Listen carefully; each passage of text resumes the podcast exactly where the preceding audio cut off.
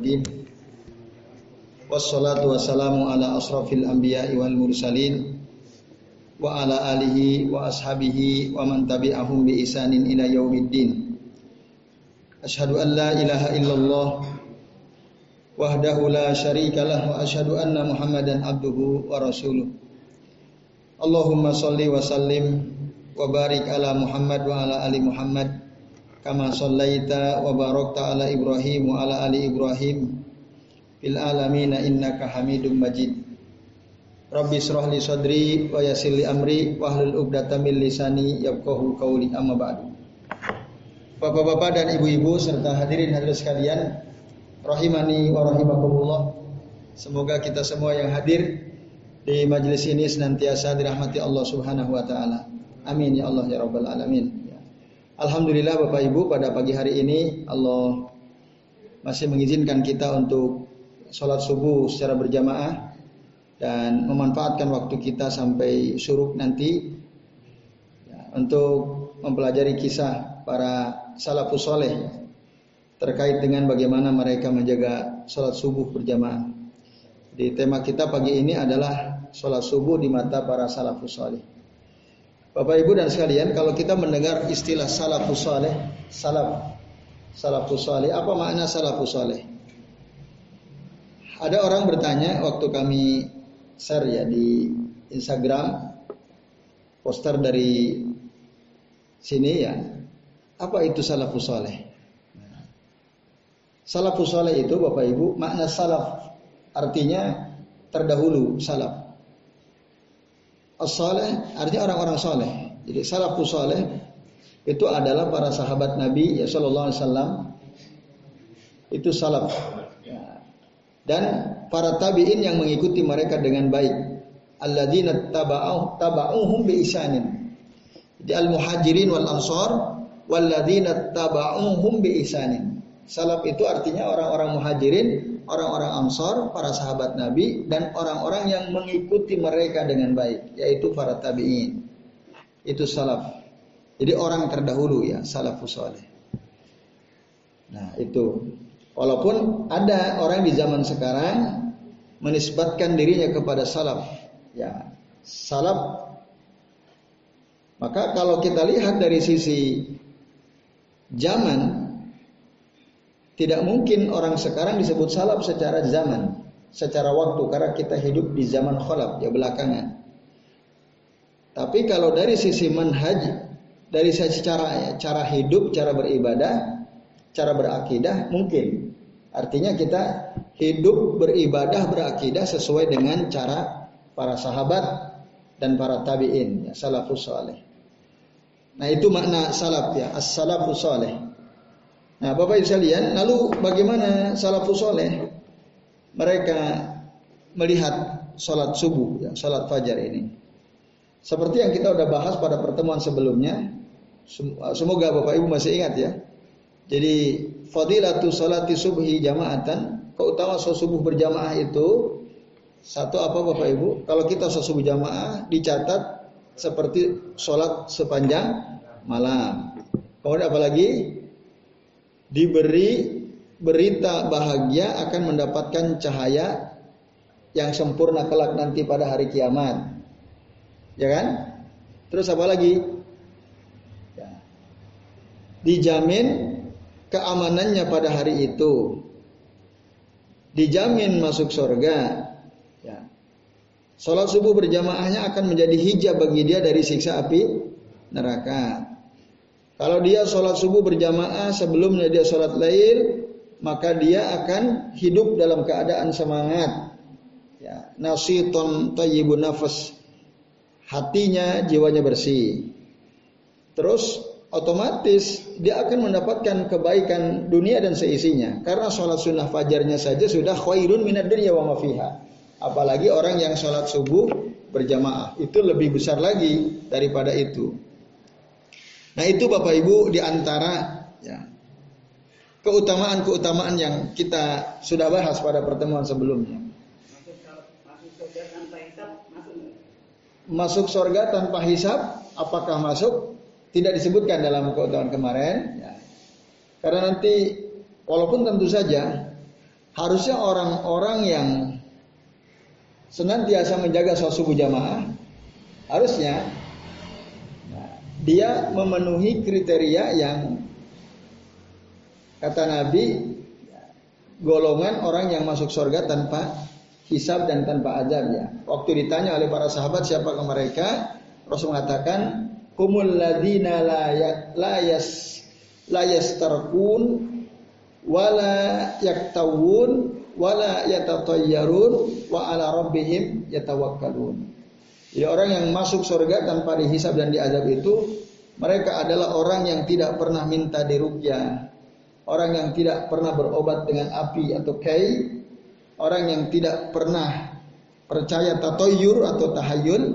Dan hanya kepada Tuhan mereka mereka bertawakal atau bersandar. Harusnya ya orang-orang yang betul menjaga sholat subuh jamaah harusnya ya, dia melakukan ini semua. Kecuali barangkali yang tidak tahu pak. Ya itu nah ini kesaliannya nah para sahabat tentu saja mereka tahu persis apa keutamaan. Karena mereka hidup di zaman Rasul mendengar langsung dari Nabi atau kalau tidak ketika tidak hadir maka sahabat lain yang akan menyampaikan kepada mereka. Dan sahabat itu Bapak sekalian adalah kanu ahroson nasi alal khair. Orang yang paling semangat ya, terhadap kebaikan kalau sudah mendengar ada kebaikan maka mereka semangat untuk melakukannya itulah sebab kenapa Nabi mengatakan Ya. Lau anna ahadakum anfaqa misla uhudin zahaban Seandainya salah seorang di antara kalian menginfakkan emas sebesar gunung Uhud Bapak Ibu sudah ada yang sudah pernah menyaksikan sebesar apa gunung Uhud? Yang sudah haji sama umrah tentu ya pernah menyaksikan sebesar apa gunung Uhud.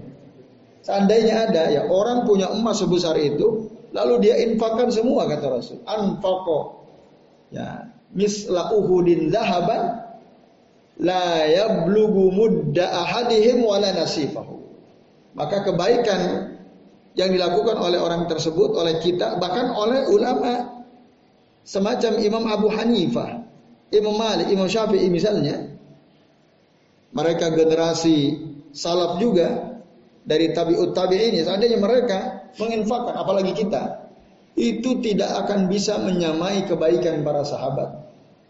Ya. Bahkan satu mud kebaikan mereka tidak akan bisa disaingi. Boro-boro satu mud kata Rasul, la yablughu mudda ahadihim wala nasifahu. Bahkan setengah mudnya pun nggak akan segenggamnya pun nggak akan nyampe. Kenapa? Karena sahabat itu ahrasan nas alal khair. Orang yang betul-betul semangat untuk melakukan kebaikan jika sudah disampaikan oleh Nabi mereka tahu semangat. Nah, maka ketika mereka tahu persis apa itu fadilah sholat subuh berjamaah, mereka betul-betul berusaha untuk menjaga sholat subuh berjamaah kecuali orang-orang munafik yang kita sudah bahas kemarin. Nah ini Bapak Ibu dan hadis kalian, azan ya Allah wa iyyakum ajmain. Bagaimana tidak? Ya. Mereka bahkan menyaksikan langsung Bapak Ibu. Ya. Yashaduna Rasulullah SAW menyaksikan langsung Rasul Sallallahu Alaihi Wasallam ya.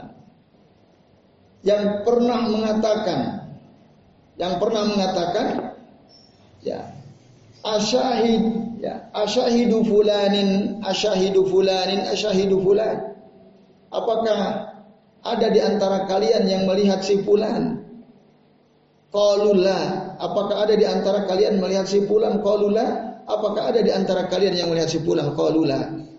Mereka langsung menyaksikan itu, mendengar langsung dari Nabi SAW, Bapak Ibu sekalian. Artinya apa?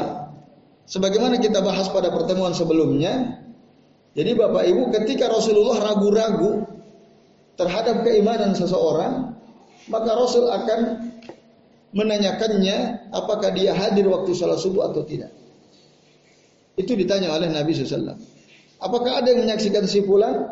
Apakah ada yang menyaksikan si fulan? Lah. Kalau jawab lah. Nah, di situ Rasul yakin nih orang ini orang orang munafik. Nah, ini Bapak Ibu dan hadis sekalian, azan Allah wa iyyakum ajmain.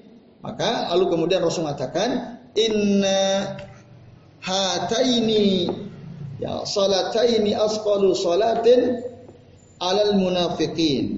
Karena dua salat ini yaitu Isya dan subuh merupakan dua salat yang paling berat bagi orang-orang munafik. Lau ya'lamuna fadla ma fihima la atau la atauhuma walau habwa. Seandainya mereka tahu keutamaan yang ada di balik sholat isya dan subuh berjamaah, niscaya mereka akan datang walaupun merangkak. Itu kata Nabi SAW. Nah, jadi ketika Nabi tidak melihat simpulan, ke mana simpulan, ke mana simpulan, nggak ada. Wah itu berarti orang munafik. Nah, para sahabat takut betul kalau mereka ya ada pada dirinya sifat nifak. Oleh karenanya mereka betul-betul menjaga agar sholat subuh mereka berjamaah misalnya. Nah ini misalnya ajan ya Allah wa iyyakum ajmain. Nabi juga diceritakan Nabi SAW wa kana min hajjin Nabi SAW ayu dzakiru ala baitihi bi salatil fajar. Di antara petunjuk Nabi itu beliau ketika tiba waktu subuh maka beliau akan membangunkan keluarganya untuk bangun sholat subuh. Bahkan dikatakan di sini hatta innahu kana yamurru bi babi Fatimah binta Muhammadin sallallahu alaihi wasallam ba'dama tajawwazat min Ali ibni Abi Thalib radhiyallahu anhu. Bahkan ya, pernah Rasulullah melewati rumah Fatimah yang kala itu Fatimah pada sudah dinikahi oleh Ali. Rasul lewati rumahnya lalu kemudian dibangunkan oleh Nabi SAW. Padahal Fatimah sudah bersuami Ali bin Abi Thalib dibangunkan. Saking besarnya perhatian Nabi kepada keluarganya untuk menjaga sholat subuh sekalian. Nah, lalu setelah itu Ali bin Abi Thalib ya, wa min ba'dihi kana Ali ibnu Abi Thalib eh, radhiyallahu anhu dikatakan ya yamsi fit turuqat munadiyan as-salah as-salah as-salah liyukiran nas li salatil fajr. Dan setelah Rasul wafat, gantian Ali. Ali akan keliling jalan-jalan, melewati rumah-rumah orang-orang beriman, membangunkan mereka sholat, sholat, sholat. Barangkali azan di Masjid Nabawi tidak sampai kepada semua orang karena dulu nggak ada speaker gitu ya. Keras naik penara, mungkin ada banyak rumah, mungkin suara Bilal, suara Abdullah bin Umi Maktum tidak terdengar oleh seluruh penduduk kota Madinah. Maka Ali keliling. Nah, disebutkan dalam riwayat Ali keliling ke rumah-rumah kaum mukminin membangunkan membangunkan mereka dengan mengatakan as-salah as-salah as-salah. Nah, ini Bapak Ibu dan sekalian ya. Jadi Ali sangat terkesan dengan bagaimana Rasulullah memperhatikan beliau dan istrinya putrinya Nabi yaitu Fatimah untuk dibangunkan sholat subuh. Nah, itu Bapak Ibu dan harus sekalian, azan ya Allah wa Ya gambaran perhatian para sahabat ya, dalam hal ini Ali, Rasul Ali terhadap sholat subuh berjamaah. Nah, kemudian Bapak Ibu sekalian, ya Allah wa iyyakum ajmain. Ya. Di sini disebutkan beberapa contoh. Dulu ada seorang tokoh namanya Al-Imam Madian bin Ahmad Al-Humairi rahimahullah. Ini seorang tabi'in ya. Bagaimana beliau menjaga sholat subuh berjamaah. Dikatakan di sini walam tafuthu takbiratul ihrami li salatil fajri hatta tawafahullahu taala. Jadi ada seorang tokoh namanya Imam Madian bin Ahmad Al-Humairi. Beliau senantiasa menjaga sholat subuh jamaah dan tidak pernah terlewat takbiratul ihram bersama imam sampai beliau wafat. Sejak beliau tahu keutamaan sholat subuh jamaah, beliau selalu tabkir, bersegera ke masjid dan selalu mendapatkan ya bersama imam takbiratul ihram. Nah, masya Allah ya sekalian, luar biasa dulu para ulama, para tokoh salafus saleh. Kemudian ada seorang tokoh namanya Al Haris bin Hassan. Suatu kali beliau menikah. Ya, baru menikah. Malam pertama, ya, malam pertama saya lihat. Nah, ketika keesokan harinya beliau berangkat tabkir segera ke masjid untuk salat subuh berjamaah. Asbaha ata ilal masjid liyusalli al-fajra. Maka ada orang bertanya fakil atakhruj atakhruj wa inna ma banaita bi ahlika lailah kok kamu udah keluar cepet banget gitu bukankah tadi malam kamu malam apa malam pertama gitu ya habis menikah kok apa gasik banget ke masjid gitu ya nah, karena mungkin uh, kalau orang-orang jahiliyah dulu ya malam pertama ya bangunnya mungkin jam 7 jam 8 begitu ya. Ini kok gasik gitu. Nah, lalu dijawab oleh Al Haris bin Hasan. Ya, Faradda alaihim dijawab bi anna al mar'ata allati tamna'uhu an huduri salatil fajr fi jama'atin innama hiya imra'atu su katanya. Kata si Al Haris bin Hasan ini, beliau katakan sesungguhnya wanita yang mencegah suaminya dari sholat subuh berjamaah sesungguhnya itu adalah wanita yang buruk ya innama imra'atusu nah itu jawaban Al Haris bin Hasan rahimahullah sekalian nah begitulah keadaan para salafus saleh lalu Bapak Ibu dulu pada tahun as-sanat as-salisah wal isrin hijriyatan tahun ke-23 hijriah ya Umar waktu itu menjadi khalifah, Umar ibn Khattab radhiyallahu anhu. Salat jamaah subuh di Masjid Nabawi.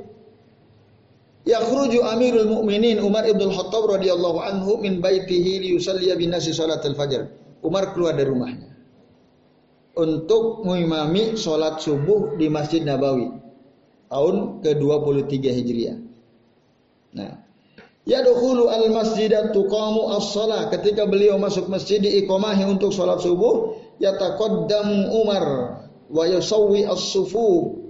Ya, wa yarussus sufu. Umar maju ke depan meluruskan sop dan merapatkan sop para jamaah. Diperiksa sop-sop para jamaah. Ya, para sahabat.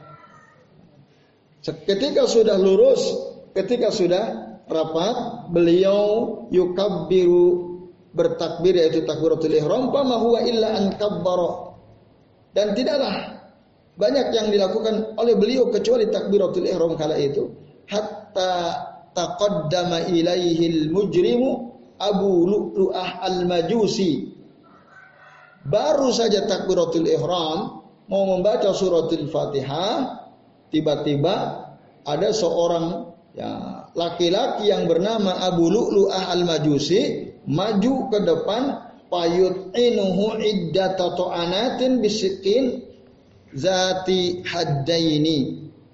Ada si Abu Lu'lu'ah langsung meringsek maju ke depan mendekati Umar lalu ditusuk dengan pisau. Yang pisau itu memiliki dua dua mata pisau. Tajam ditusuk berkali-kali Umar. Sampai banyak darah keluar kala itu dan waktu itu masjid tidak terang seperti ini. Jadi para sahabat tidak bisa saling melihat satu sama lain, tidak bisa saling mengenali. Nah, kalau kita sekarang ada orang tiba-tiba mendekat Pak Wanto lagi ngimami mau nusuk kan ketahuan. Ya. Langsung dicegat tentu oleh para makmumnya. Dulu nggak kelihatan. Masuk merengsek langsung ditusuk. Umar bertahan ya Bapak Ibu sekalian untuk bisa melanjutkan sholat tapi beliau tidak kuat. Akhirnya beliau terjatuh, si Abu Lu'lu'ah ini keluar, ya, banyak sahabat yang ditusuk, tapi akhirnya dia pun mati juga. Nah, takut lalu dia bunuh bunuh diri ya. Nah, ini bisa lihat itu peristiwa yang mengerikan terjadi pada masa Umar ibn Khattab menjadi khalifah. Nah, lalu Bapak-bapak dan sekalian, Lalu majulah Umar waktu itu masih bertahan. Beliau ya memegang tangan salah seorang sahabat supaya maju ke depan yaitu tangan Abdurrahman bin Auf. Ya, persis di belakang Umar ditarik tangannya oleh Umar untuk mengganti posisinya supaya melanjutkan sholat. Tidak bubar Bapak Ibu. Sholat tidak bubar. Kalau sekarang kira-kira bubar nggak sholatnya? Kalau ada pengacau begitu. sekarang bubar. Dulu biar yang yang nangkep dia ngabisin dia biar ada, tapi yang lain tetap sholat. Ya, yang lain tetap sholat. Dan hebatnya bapak ibu, karena banyak jamaahnya. Orang yang di belakang tuh nggak ngerti apa yang terjadi. Kok Umar nggak baca-baca? Sampai-sampai mereka mengucapkan Subhanallah. Dikiranya Umar lupa. Dikiranya. Maka dikatakan di sini, nah, pama in faqadu sauta Umar rafa'u aswatahum subhanallah subhanallah walakin lam yujib. Tapi Umar tidak ada jawaban. Subhanallah, subhanallah. Kan nggak ngerti, nggak kelihatan, nggak ada lampu. Dikiranya Umar lupa. Nah, bosalian, tapi kejadian begitu terkendali, ya. Abdurrahman bin Auf maju, Payusalli bin Nas melanjutkan salat. Sementara Umar, ya, yuhmalu al-Faruq ila baitihi dibawa ke rumahnya. Umar dibawa dan rumah Umar dekat juga dengan Masjid Nabawi. Itu dekat. Bahkan ada nanti satu riwayat ketika terjadi kekeringan ada orang masuk ke dalam ke Masjid Nabawi pada waktu itu hari Jumat, Rasul sedang khutbah. Itu masuk lewat pintu yang di samping pintu itu rumahnya Umar Ibn Khattab. Yang oleh Umar dijual, oleh keturunan dijual karena ketika Umar wafat, Umar banyak hutangnya. Sebagai khalifah banyak hutang untuk kemaslahatan Umar. Nah rumahnya itu ada dekat Masjid Nabawi. Dan itu terkenal ya sekalian. Nah, Dibawalah Umar ke rumahnya nah, dan dalam keadaan pingsan. Ketika matahari sudah mulai muncul, para sahabat berkumpul di rumah Umar ijtama'a ashabatu inda ra'sihi fa aradu an yabza'uhu bi syai'in liyufiqa min ya min ghasyatihi. Lalu sahabat-sahabat berusaha untuk menyadarkan Umar. Sekalian. Karena Umar udah sholat subuh belum? Belum. Baru takbiratul ihram. Mau baca suratul Fatihah. Nah, itu pun masih bertahan. Ya. Baca putus, baca putus, terjatuh, tarik tangan Abdurrahman bin Auf. Nah, orang ngiranya Umar lupa. Nah, bapak-bapak dan sekalian, lalu dibawa ke rumahnya, sahabat semua berkumpul untuk menyadarkan Umar. Nadharu fadadzakkaru anna qalba Umar mu'allakun bis mereka melihat Umar ini hatinya masih terikat dengan sholat subuh. Maka bapak-bapak sekalian, Umar bertanya, ya, apakah sholat subuh sudah ditunaikan waktu sadar, agak sadar? Maka sahabat bilang, as-salatullahi, nah, as-salatullahi, as-sallan nas, kata na'am. Apakah sholat sudah? Orang-orang sudah sholat subuh? Naam, kata Umar eh kata Abdullah bin Abbas. Kemudian Umar bilang kalau Umar lahir bil Islam liman taraka salat summa da'a bil ma'i fatawadda wa shalla wa inna ya jurhahu la yanzifu daman. Lalu kemudian dibawakanlah air wudu ya, untuk Umar lalu beliau wudu lagi salat sementara luka-lukanya terus keluar darah. Tapi beliau akhirnya berhasil menyelesaikan salat. Ya, tentu sambil berbaring ya Bapak Ibu sekalian. Nah begitulah keadaan Umar ibn Khattab radhiyallahu anhu para sahabat menjaga sholat subuh tetap berjamaah. Nah, kata para ulama dari kisah ini setidaknya ada empat perkara penting yang kita bisa ambil pelajaran. Yang pertama, Bapak sekalian, ya, apa yang kita dengar dari cerita peristiwa terbunuhnya Umar waktu sholat subuh itu menunjukkan bagaimana dulu para sahabat salafus saleh menjaga sholat jamaah mereka dan bagaimana keterikatan mereka dengan sholat subuh berjamaah itu sekalian. Nah, jadi bagi mereka sesuatu yang sangat indah kalau bisa sholat berjamaah di masjid, ya itu. Maka mereka betul-betul menjaganya, Bapak Ibu sekalian. Bahkan di disebutkan ya dalam hadis sahih Muslim dari Abdullah bin Mas'ud radhiyallahu anhu ya, tentang kehidupan para sahabat dan keadaan mereka sholat berjamaah subuh dan sholat sholat yang lain walaqad ra'aituna wa ma yatakhallafu 'anis salati illa munafiq ma'lumun nifaq. Tidaklah ada seorang pun yang menyelisih kami. Maksud tidak sholat berjamaah kecuali dia ini orang munafik, maklumun nifaq, maklumun nifaq, sangat jelas kemunafikannya.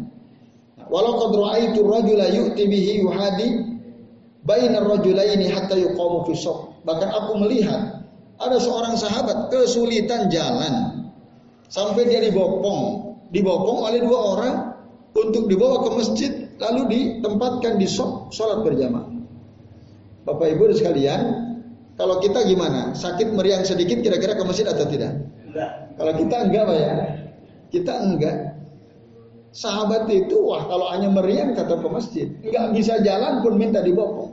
Bahkan kalau kita dengar cerita Rasul di akhir kehidupannya, waktu itu Rasul sudah menentukan tolong Abu Bakar menggantikan aku menjadi imam kan begitu. Ketika baru saja Um Abu Bakar mengimami, belum selesai satu rakaat Rasul merasa badannya agak enakan.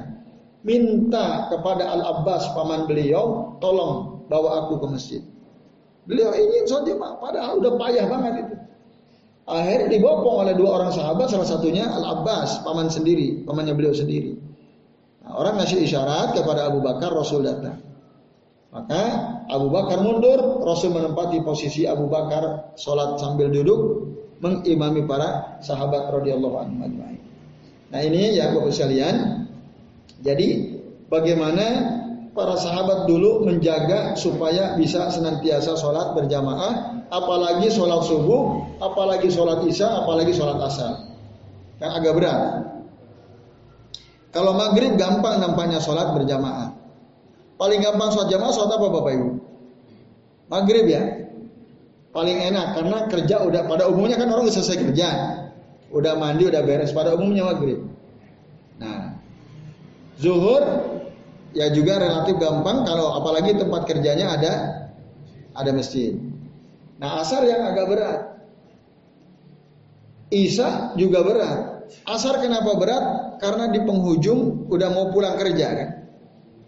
Mau sholat nanggung gitu ya. Biasanya kan begitu. Saya kira sampai sekarang kan begitu pada umumnya. Nah ini bisa lihat Isa udah lelah. Subuh lagi enak-enak tidur kan. Nah, ngantuk. Maka yang sering disebut oleh Nabi dalam hadis itu sholat asar, sholat isya, sholat subuh. Itu yang paling berat di antara lima waktu itu. Nah, ini bapak-bapak dan ibu-ibu serta hadirin sekalian, azan ya Allah wa iyyakum ajmain. Nah, maka dikatakan fa'ainan naimuna an salatil fajr wal asr alladhi an'ama Allahu alaihim wa ashanahum ajsamahum wa ma uzrahum Allah taala. Mana orang-orang yang tertidur dari sholat subuh yang telah Allah berikan nikmat kepada mereka, disehatkan tubuh-tubuh mereka. Apa uzur mereka? Apa alasan mereka kelak nanti di hadapan Allah Ta'ala? Padahal badannya sehat, rezekinya lancar, tapi kalau subuh sering tidak sholat jamaah. Itu nanti bagaimana pertanggungjawaban dia di hadapan Allah Ta'ala. Nah itu kata para ulama persediaan azan ya Allah wa iyyakum ajma'in. Maka Ya seorang tabi'in namanya Sa'id bin Al-Musayyab rahimahullahu yaqul dia mengatakan Ma fatatni as-salah fi jama'atin mundu arba'ina sana. Tidak pernah aku ketinggalan sholat berjamaah sejak 40 tahun yang lalu. Jadi 40 tahun itu nggak pernah absen sholat jamaah. Kalau kita jangan tanya 40 tahun, seminggu kita nggak sholat jamaah berapa kali? Nah, kalau kita itu tanya, kalau ini 40 tahun nggak pernah absen sholat jamaah ya Ya semoga kita tertular ya oleh semangat para sahabat dan para tabi'in. Amin ya rabbal alamin. Nah, ini Bapak sekalian. Nah, walam mastaka Sa'id aina ketika Sa'id ya. Sa'id bin Al-Musayyab sakit matanya yauman suatu hari qalu lahu. Ya, teman-temannya mengatakan kepada Sa'id lau kharajta ilal aqi panadzarta ilal khadrah lawajadta lidzalika khifah kalau kamu keluar ke Akik, kamu melihat pemandangan yang hijau, maka niscaya engkau bisa mendapatkan keringanan dari sakit matamu ini. Lalu kata beliau, "Fakaifa asna'u suhudil isya'i wasuwah?" Bagaimana kalau aku ya dengan sakit sekali mataku ini tapi cara mengobatinya dengan cara hadir sholat isya dan subuh berjamaah. Nah, jadi Bapak Ibu Said bin Al Musayyab ketika sakit parah matanya teman-temannya ini Said generasi tabi'in. Disarankan cobalah kamu lihat pemandangan hijau itu bisa meringankan sakitmu itu. Tapi kata beliau, bagaimana kalau aku yang aku lakukan ada sholat isya dan subuh jamaah. Nah, jadi malah justru beliau seakan isya dan subuh jamaah. Itu yang beliau kedepankan, bukan lihat pemandangannya. Nah itu sikap ya, para salafus salih misalnya. Kemudian Ar-Rabi bin Qasim ya yukadu ila salah wa bihil farij. Rabi bin Qasim, beliau dibawa ya untuk sholat berjamaah. Waktu itu beliau punya penyakit. Ya. Falij, falij itu ya rabun gitu, nggak bisa melihat. Nah, tapi dituntun. Lalu orang bilang kodroh sholat sholat jamaah ya termasuk subuh apalagi gelap-gelap itu sudah dirusak untuk kamu. Engkau mendapatkan ke keringanan. Lalu dia bilang, "Inni asma'u ya, hayya 'ala shalah." Aku mendengar tadi ada seruan hayya 'ala shalah. Fa in istata'tum an ta'tuha fa'tuha walau habwa. Malah beliau ngasih nasihat orang-orang itu, kalian kalau kalian mampu datang ya ke masjid di mana di situ dikumandangkan hayya 'ala shalah, maka datanglah kalian walaupun kalian merangkak. Dulu begitu, Abdullah bin Umi Maktum minta izin kepada Rasul, ya Rasul rumahku agak jauh. Apakah boleh aku tidak sholat berjamaah? Karena aku tidak punya penuntut. Waktu itu Rasul awalnya boleh. Baru berjalan beberapa langkah dipanggil oleh Nabi SAW. Asamita nida apakah engkau mendengar ada azan? Naam. Ya. Maka Pak Ajib. Fadhab ilal masjid. Jawablah azan itu berangkatlah ke masjid walaupun tidak ada pemandu tidak ada yang nuntun dia. Padahal buta. Nah, ini menunjukkan betapa Rasulullah menekankan sekali Bapak Ibu untuk sholat berjamaah khususnya tadi yang berat bagi orang munafik isya dan subuh. Nah itu di antara faidah penting dari hadis tentang Umar ini ya bapak-bapak dan ibu-ibu serta sekalian. Nah, kalau ada seorang sahabat atau tabi'in ada tokoh lagi namanya Sa'id bin Abdul Aziz. Idza fatatu salatul jamaati baka. Kalau dia ketinggalan salat jamaah, apalagi subuh, asar yang di situ berkumpul, ya ta'aqabunal malaika. Malaikatul laili wa malaikatul nahar. Berkumpul malaikat malam, malaikat siang waktu subuh tadi ini. Eh kok enggak dapat sholat subuh jamaah baka menangis. Ya. Saya bin Abdul Aziz beliau menangis li'annahu qad fatathu mubaratun riyadiyatun. Nah, la li'annahu qad fatathu mubaratun riyadiyatun wala agniyatun wala tamsiliyah walakin yabki li fawati al-masubah war ar-ruhiyah yakni salatul asubah bil jamaati. Bapak Ibu ada enggak jenengan melihat orang nangis sedih sekali ketika dia nggak bisa sholat jamaah? Ada? Nggak ada. pak ya? Yakin pak ya? Nggak ada. Nah, jangan. iya. Terus kalau kita nggak sholat jamaah, kita nangis nggak bapak ibu? Senyum aja kita kan. Alhamdulillah ada yang tahu saya nggak jamaah kan gitu. Kalau dulu salah soleh nangis bapak ibu, nangis. Kalau kita nangis nggak kebagian BLT baru nangis tuh nggak kebagian bantuan tunai langsung dari pemerintah, baru kita nangis nih. Nggak kebagian tiket konser, nonton konser, mungkin kita nangis. Nah, dulu salafus soleh itu nggak penting. Nggak kebagian makanan nggak penting, nggak kebagian apa? Ya, sumbangan ini dan itu nggak penting, nggak akan nangis. Tapi kalau nggak kebagian, nggak dapat sholat jamaah, apalagi tadi subuh asar, mereka akan menangis. Karena apa? Kehilangan pahala yang sangat besar. Nah, begitulah Bapak Ibu para salafus saleh. Nah, kemudian ada seorang tokoh namanya Abdurrahman bin Mahdi. Ya. Dia bertanya tentang seseorang ya, yang baru saja nikah. Lalu ditanya, dia dia bertanya, ayat rukun jamaah ayyaman qala la. Ya.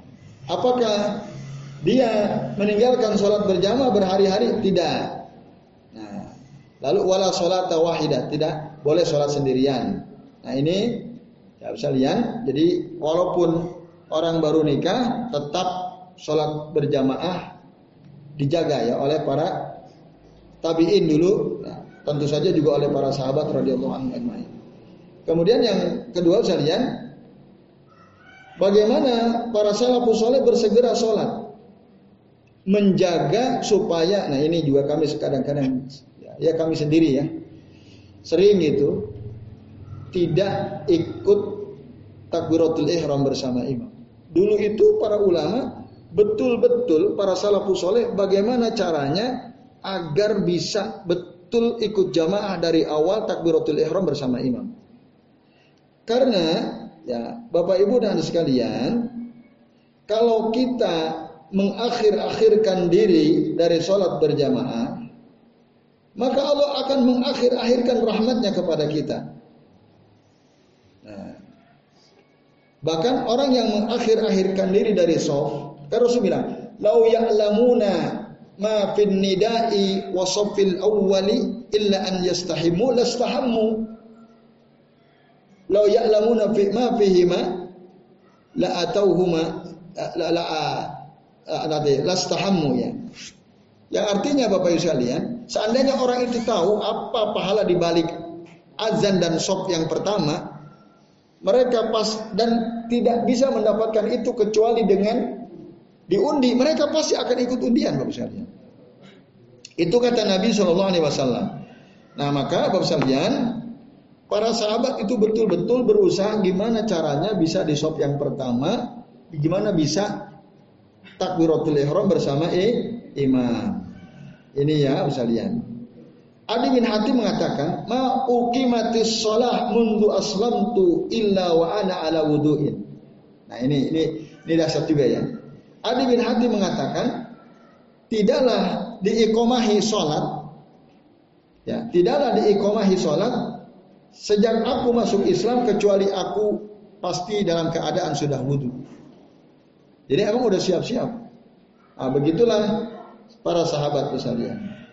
Nah, lalu Ibrahim bin Maimun, ya, salah seorang ulama hadis besar. Dia ini, ya, bos kalian punya profesi sebagai kalau sekarang ini di Jogja banyak nih membuat souvenir yang terbuat dari emas dan perak. Itu apa namanya tuh kalau itu? Para pengrajin emas perak ya. Nah, itu ada ya di kita kan. Dulu ada tokoh namanya Ibrahim bin Maimun seperti ya sebagian dari kita pengrajin emas dan perak. Nah, pakana idza rafa'a al-mitraqah ketika beliau ngangkat palu mau mukul-mukul lempeng emas atau perak itu Ya. Pasami an-nida lalu beliau mendengar ada suara azan, apa yang terjadi? Wada'aha walam yuraddidha, yuraddiduha. Beliau langsung meletakkan palunya tidak lagi malu, langsung wudhu. Ketika Allahu Akbar, Allahu Akbar berhenti. Kalau kita gimana? terus. Ini nanggung. Nah, dikit lagi. Wong nunggu ajan lumayan lah lima menit kan. Kadang-kadang saya begitu juga. Ya, ketika di tengah-tengah ngerjakan sesuatu, ya Allah ya Rabb. Nah, mudah-mudahan ketika kita mendengar ini, membacakan ini sekalian ya. Allah sadarkan kita bahwa apa pun yang sedang kita kerjakan, kalau sudah terdengar suara azan, letakkan. Udah, letakkan. Nah, maka para pemimpin yang punya karyawan, anak buah harusnya azan semua berhenti. Bahkan lima menit sebelum azan semua harus berhenti. Itu nanti akan berkah sekalian. Nah, di lingkungan kita ada enggak orang sebelum azan buka warung, warungnya tutup ada enggak? Di lingkungan jenengan ada bodan Bapak Ibu di sinilah ada enggak? Yang pas mau azan warungnya tutup ada? nggak ada ya, susah. Ah, malah buka terus nggak ada tutupnya. Ya. Pelayanan 24 jam gitu ya. Tapi kalau di Madinah, di Makkah udah ada yang tutup. Enggak tutup tinggalin. Tinggalin. Tapi ada di Jogja, kami lihat ya ada. Jadi lima menit sebelum waktu azan itu sudah ditempel di pintu tutup sementara untuk sholat. Nah itu, nah, itu saya lihat itu warung berkah tuh, yang punyanya berkah tuh. Lihat saya lihat, saya kenal orangnya, saya lihat, saya kalau mau beli apa-apa gitu ke warungnya, kalau udah menjelang waktu sholat duhur atau asar, ya sudah tutup. Mendingan ke masjid dulu, setelah selesai baru ke situ buka lagi. Nah ini lihatnya. Tadi seorang tokoh Ibrahim begitu. Nah ini bapak-bapak dan ibu-ibu serta hadis kalian, azan ya Allah wa iyyakum ajmain. Nah, kemudian yang sebelum terakhir yang ketiga hadis cerita tentang Umar ya sholat subuh tadi menunjukkan bagaimana para sahabat, para salafus soleh betul-betul ya, menyempurnakan sholat mereka. Bayangkan, itu sudah ada kejadian kan? Umar sudah kena tusukan, udah keluar darah, tapi tetap mereka berusaha. Posisi Sayyidina Umar waktu itu bagaimana Pak di Mihrab itu? Kan diganti oleh Abdurrahman. Ah, ah. Nah, jadi nomornya itu gimana? Apa dia di situ aja, apa keluar, apa digotong orang? Di, beliau masih tetap di situ, Baru setelah selesai sholat digotong ke rumahnya. Kan rumahnya dekat. Ya. Dalam keadaan berbaring dilanjutkan oleh Abdurrahman bin Auf. Nah. Berarti oleh makmum didiamkan aja Karena memang beliau nyuruh lanjut sholatnya dan ditarik tadi Abdurrahman bin Auf ditarik untuk melanjutkan sholatnya. Kalau kita mungkin nggak tega pak ya. Tapi waktu itu kan nggak kelihatan. Kita mungkin bubar dulu gitu. Ah ya makanya tadi kita kira-kira kalau kejadian itu terjadi di mesin kita jamaahnya bubar apa lanjut kira-kira? Kalau kita bubar, Pak. Kalau kita bubar. Itu enggak. Nah, ini ya. Jadi Bapak Ibu sekalian, sehingga sholatnya tetap dijaga. Bahkan Umar megang tangan Abdurrahman bin Auf lanjut sholat. Jangan bubar, lanjut sholatnya. Jadi kewajiban kita kepada Allah itu lebih penting. Itu kira-kira yang dipahami oleh para sahabat Nabi ya salafus soleh Bapak Ibu dan hadis sekalian. Azan ya Allah wa iyyakum ajmain. Dan yang terakhir sekalian ya riwayat yang menggambarkan peristiwa Umar tadi menunjukkan tentang bagaimana khusyuknya para sahabat dalam sholat.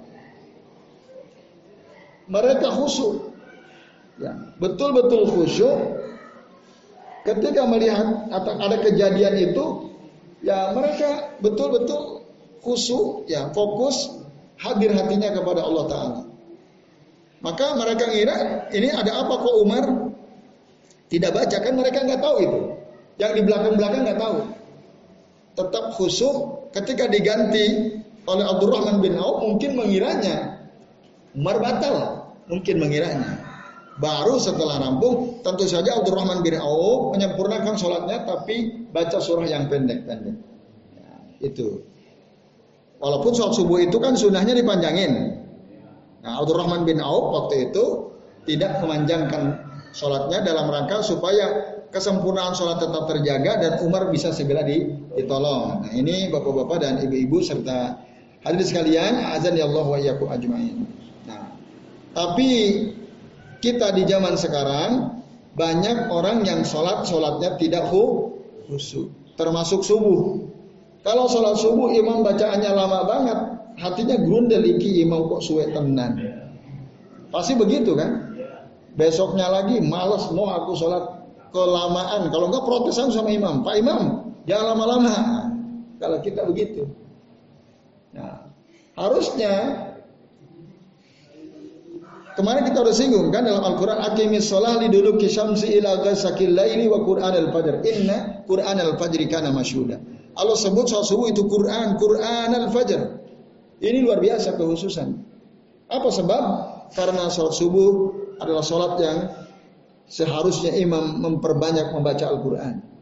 Maka Allah sebut Quran al-fajr Inna Quran al-fajri kana masyuda Sesungguhnya sholat subuh itu disaksikan oleh para malaikat Nah ini Bapak Ibu dan Hadirin sekalian, azan ya Allah wa iyyakum. Sehingga kata Nabi, wa inna rajula la yansarifu wa ma min salatihi wa ma kutiba lahu illa asra salatihi wa tusu'uha wa sumunuha wa subu'uha wa sudusuha wa khumusuha wa rubu'uha wa sulusuha wa nisbuha.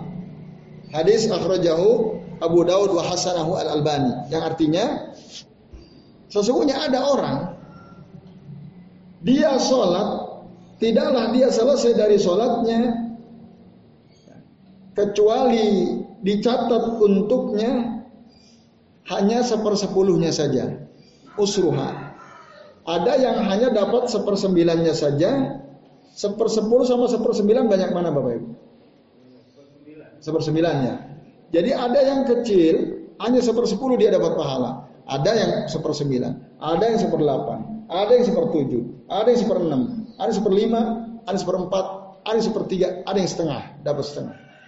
Jadi Bapak Ibu, ya, pahala setiap kita yang sholat jamaah, meskipun di masjid yang sama dengan imam yang sama, pada waktu yang sama, sangat mungkin pahalanya beda. Maka tadi Rasul bilang ada yang usruha, tusuha sumunuha subusuha sudusuha khumusuha rubuha sulusuha wanisbuha.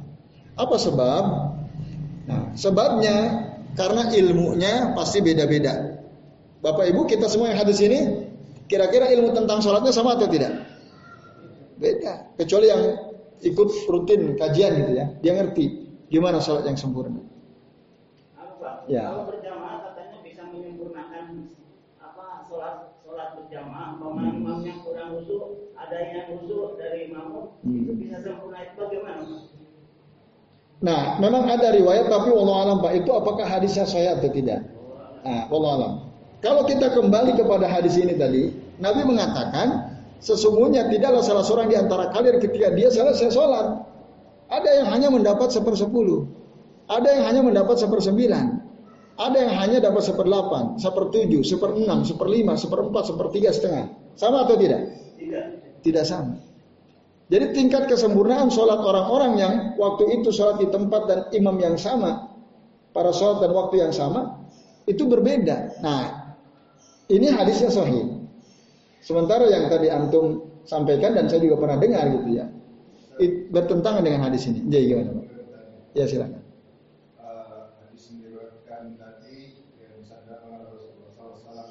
hmm. itu merujuk kepada sholat berjamaah atau sholat apa pun?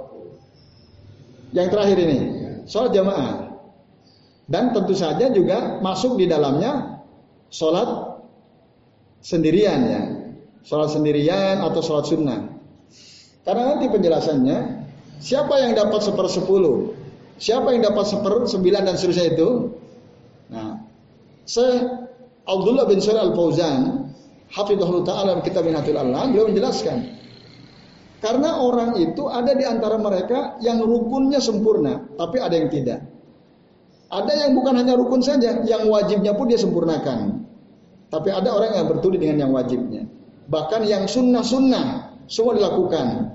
Mulai dari takbiratul uh, doa kita, baca ta'awud, baca basmalah, ya, memperbanyak doa dan seterusnya, itu semua dia lakukan. Yang sunnah-sunnah.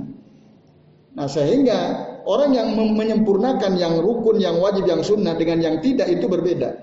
Baik dalam sholat wajib maupun dalam sholat wajib berjamaah maupun dalam sholat sunnah atau sholat sendirian. Yaitu. Jadi yang dimaksud hadis terakhir ini masuk di dalamnya adalah sholat wajib berjamaah maupun sholat sendirian. Tapi tentu kalau kita lihat konteksnya, Nabi mengatakan ini tentu saja dalam sholat berjamaah konteksnya. Karena Nabi senantiasa mendorong para sahabat untuk sholat jamaah. Bahkan dikatakan kan, yang masyur, sholatul jamaati afdol min sholatil fadli bisab'in wa isrina darajat. Sholat berjamaah itu lebih utama 27 derajat daripada sholat sendi sendirian. Maka ketika Nabi mengatakan ini, maksudnya adalah sholat berjamaah. Itu yang kami pahami. Wallahu a'lam bishawab. Ya. Satu Pak. Ya. Kalau imam batal, di sini papanya ya, itu diganti. Uh, posisi imam diem aja di situ apa keluar gitu? Keluar. Nah, cuma kalau keluar berarti kan melewati angkot jamaah. Betul. Dosa berarti. Nah, ada hadis begini. Lau ya'lamu al-marru baina yaday al-musalli lakana ayyaki fa arba'ina kharifan khairun lahu min an yamurra baina yaday al-musalli kata Rasul. Seandainya orang yang berjalan di depan orang yang sholat itu tahu apa dosa yang harus ditanggung, maka niscaya dia berhenti selama 40 tahun lebih baik daripada dia berjalan melewati orang sholat. Gitu Pak ya. Bapak Ibu, yang dimaksud hadis ini adalah kita tidak boleh melewati orang yang sedang sholat dan yang dimaksud orang itu orang yang sedang sholat sendirian atau melewati imam. Sementara kalau kita melewati makmum itu tidak ada masalah karena sutrohnya makmum adalah sutrohnya imam. Yang nggak boleh itu lewat depan imam atau lewat depan orang yang di sendirian. Sementara kalau kita jamaah ini sholat pertama penuh, kedua penuh, ketiga penuh, keempat, kelima penuh, kita imamnya batal lewat depan orang sholat gak ada masalah. Karena dulu Abdullah bin Abbas pernah naik naik bahkan naik keledai. Rasul dari salat jamaah, beliau melewati sholat, tidak ada yang mencegah satupun. Boleh. Nah. Ya, jadi nggak ada masalah. Gitu, Baik. Baik, Bapak Ibu. Ini nampaknya sudah waktu sholat suruk ya saat Isra. Terima kasih atas perhatian Bapak Ibu sekalian. Kami mohon maaf apabila yang kami sampaikan ada kesalahan atau kekeliruan. Dan mari kita akhiri kajian kita pagi ini dengan membaca doa kafaratul majlis. Subhanakallahumma wa bihamdika asyhadu an la ilaha illa anta astaghfiruka wa atubu ilaik. Wa sallallahu ala Muhammadin. Wassalamualaikum warahmatullahi wabarakatuh.